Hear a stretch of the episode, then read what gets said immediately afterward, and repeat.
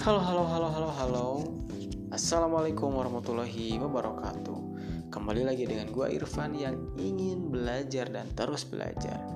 Di podcast kali ini, di podcastnya ingin jadi pebisnis.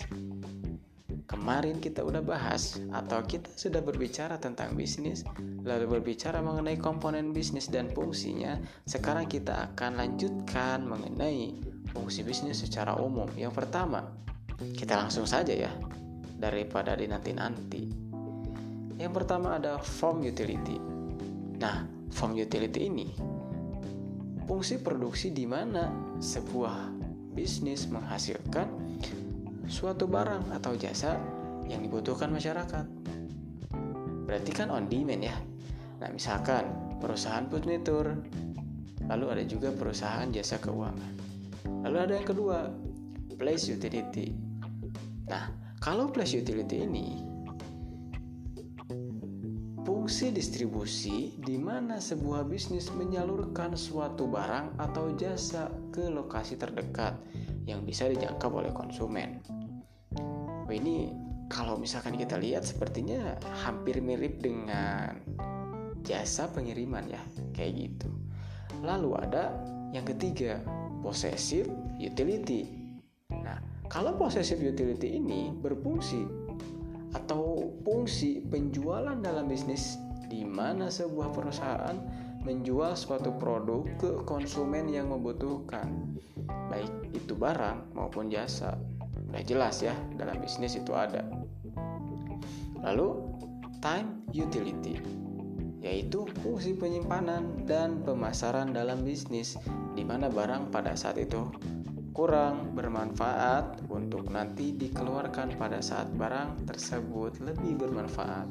Mungkin kalau misalnya kita bayangkan ini tuh lebih ke barang yang belum terjual pada bulan A.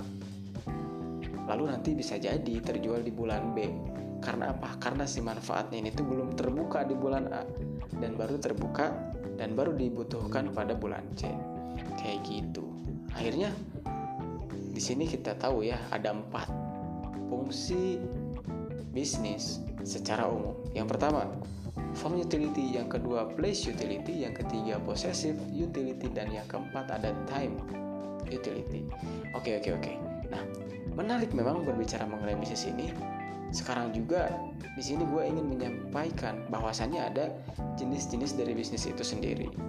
Nih, kalau misalkan kita lihat ya, bisnis itu kan selalu kita jual pulsa itu bisnis, kan memang itu adalah bisnis. Lalu kalau misalkan kita lihat dari jenisnya itu ada yang pertama kita langsung saja ke bisnis manufaktur.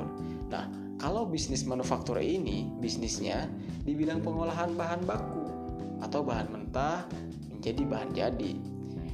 Pasti kalau misalkan di sini banyak anak kampus, anak kuliahan, apalagi jurusan teknik biasanya sudah tahu mengenai manufaktur ini. Pelaku usaha di bidang ini adalah produsen yang mengembangkan suatu produk dan menjualnya ke konsumen. Ya mungkin bisa secara langsung maupun melalui perantara atau distributor ya. Nah, gue kasih contoh juga. Beberapa contoh bisnis di bidang manufaktur. Ada salah satunya ada pabrik plastik, ada pabrik baja, pabrik tekstil, pabrik kertas, pabrik mebel, pabrik otomotif, dan masih banyak lagi. Lalu, setelah bisnis manufaktur ada apa lagi? Nih, ada yang kedua. Bisnis jasa. Wah, ini luar biasa nih bisnis jasa. Bisnis jasa adalah bisnis yang kegiatannya menciptakan dan menjual produk tak berwujud, yaitu jasa atau layanan kepada konsumen untuk menghasilkan keuntungan. Ini sih kalau misalkan kita lihat ya, banyak ya jasa yang bisa kita dapatkan kalau misalkan bentuk wujudnya seperti apa ya kita hanya bisa merasakan gitu makanya bisnis ini juga sangat potensial gitu untuk dijalankan. Gue kasih contoh juga nih di bidang jasa itu ada bisnis apa aja sih? Siapa tahu kan bisa jadi apa ya jadi harapan atau bisa jadi impian untuk nanti bisa buka bisnis di bidang jasa. Ada yang pertama itu jasa perawatan semisal salon gitu kan.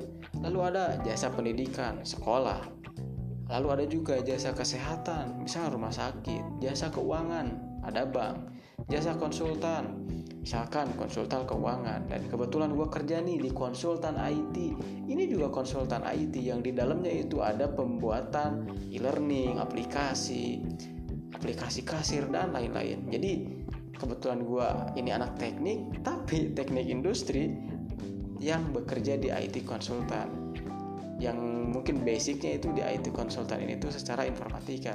So tapi jangan takut, uh, eh, gue di sini belajar juga dan mudah-mudahan ini terus bisa uh, menjadikan diri gue terus berkembang kayak gitu. Lalu ada jasa konstruksi bangunan. Nah lanjut nih, yang ketiga ada bisnis perdagangan. Wow ini udah jelas ya banyak banget orang yang melakukan bisnis perdagangan di masa pandemi saat ini. Kalau misalkan kita lihat perniagaan ini tuh udah jadi kebutuhan. Bahkan bukan jadi kebutuhan lagi ya kebiasaan yang sering kita lakukan di sehari-hari gitu ya. Dan uniknya entah kenapa setiap hari pasti ada penjualan setiap hari pasti ada pengeluaran setiap hari pasti ada orang yang beli. Dan itu memang udah mungkin sama Allah udah ditakdirkan seperti itu dan kita nggak bisa nolak itu. Dan kita harus bersyukur akan hal itu. Kalau misalkan kita kasih contoh atau gue akan kasih contoh toko kelontong, toko pakaian, toko grosir, supermarket dan lain-lain masih banyak lagi.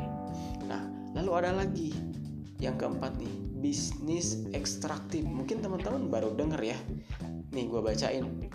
Bisnis ekstraktif adalah jenis bisnis yang kegiatan usahanya menambang atau menggali barang tambang di dalam bumi di mana produk yang dihasilkan merupakan bahan mentah untuk diolah kembali.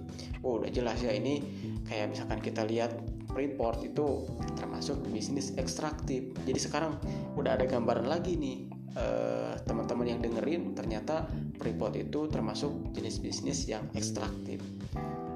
Contohnya di bidang ini ada emas, tambang minyak bumi, tambang gas bumi, tambang tembaga dan masih banyak lagi. Lalu yang kelima ada yang terakhir, ini juga cukup besar pengaruhnya, cukup banyak juga yaitu bisnis agraris. Bisnis agraris Bisnis agraris atau agribisnis adalah bisnis yang kegiatan usahanya di bidang pertanian, perkebunan, peternakan, perikanan, dan kehutanan. Kalau misalkan gue kasih contoh, ada beberapa bercocok tanam padi di sawah, perusahaan kebun kelapa sawit, budidaya tanaman obat atau herbal, perkebunan sayur organik, dan lain-lain. So, ternyata banyak banget jenis-jenis bisnis itu. Dan semakin sini semakin menarik untuk kita terus pelajari bisnis itu seperti apa. Kita yang masih muda kita yang masih terus belajar kita yang masih punya tenaga banyak pikiran juga masih belum terlalu banyak. Maka dari itu ayo kita terus belajar dan gunakan waktu sebaik mungkin untuk kita terus memaksimalkannya. Dan berbicara bisnis ayo kita mulai bareng-bareng mulai kapan? Mulai aja dulu daripada di nanti nanti terima kasih udah dengerin. Mohon maaf apabila banyak kesalahan. Dan ini gue Irfan. Dan selamat tinggal di podcast ingin jadi pebisnis assalamualaikum warahmatullahi wabarakatuh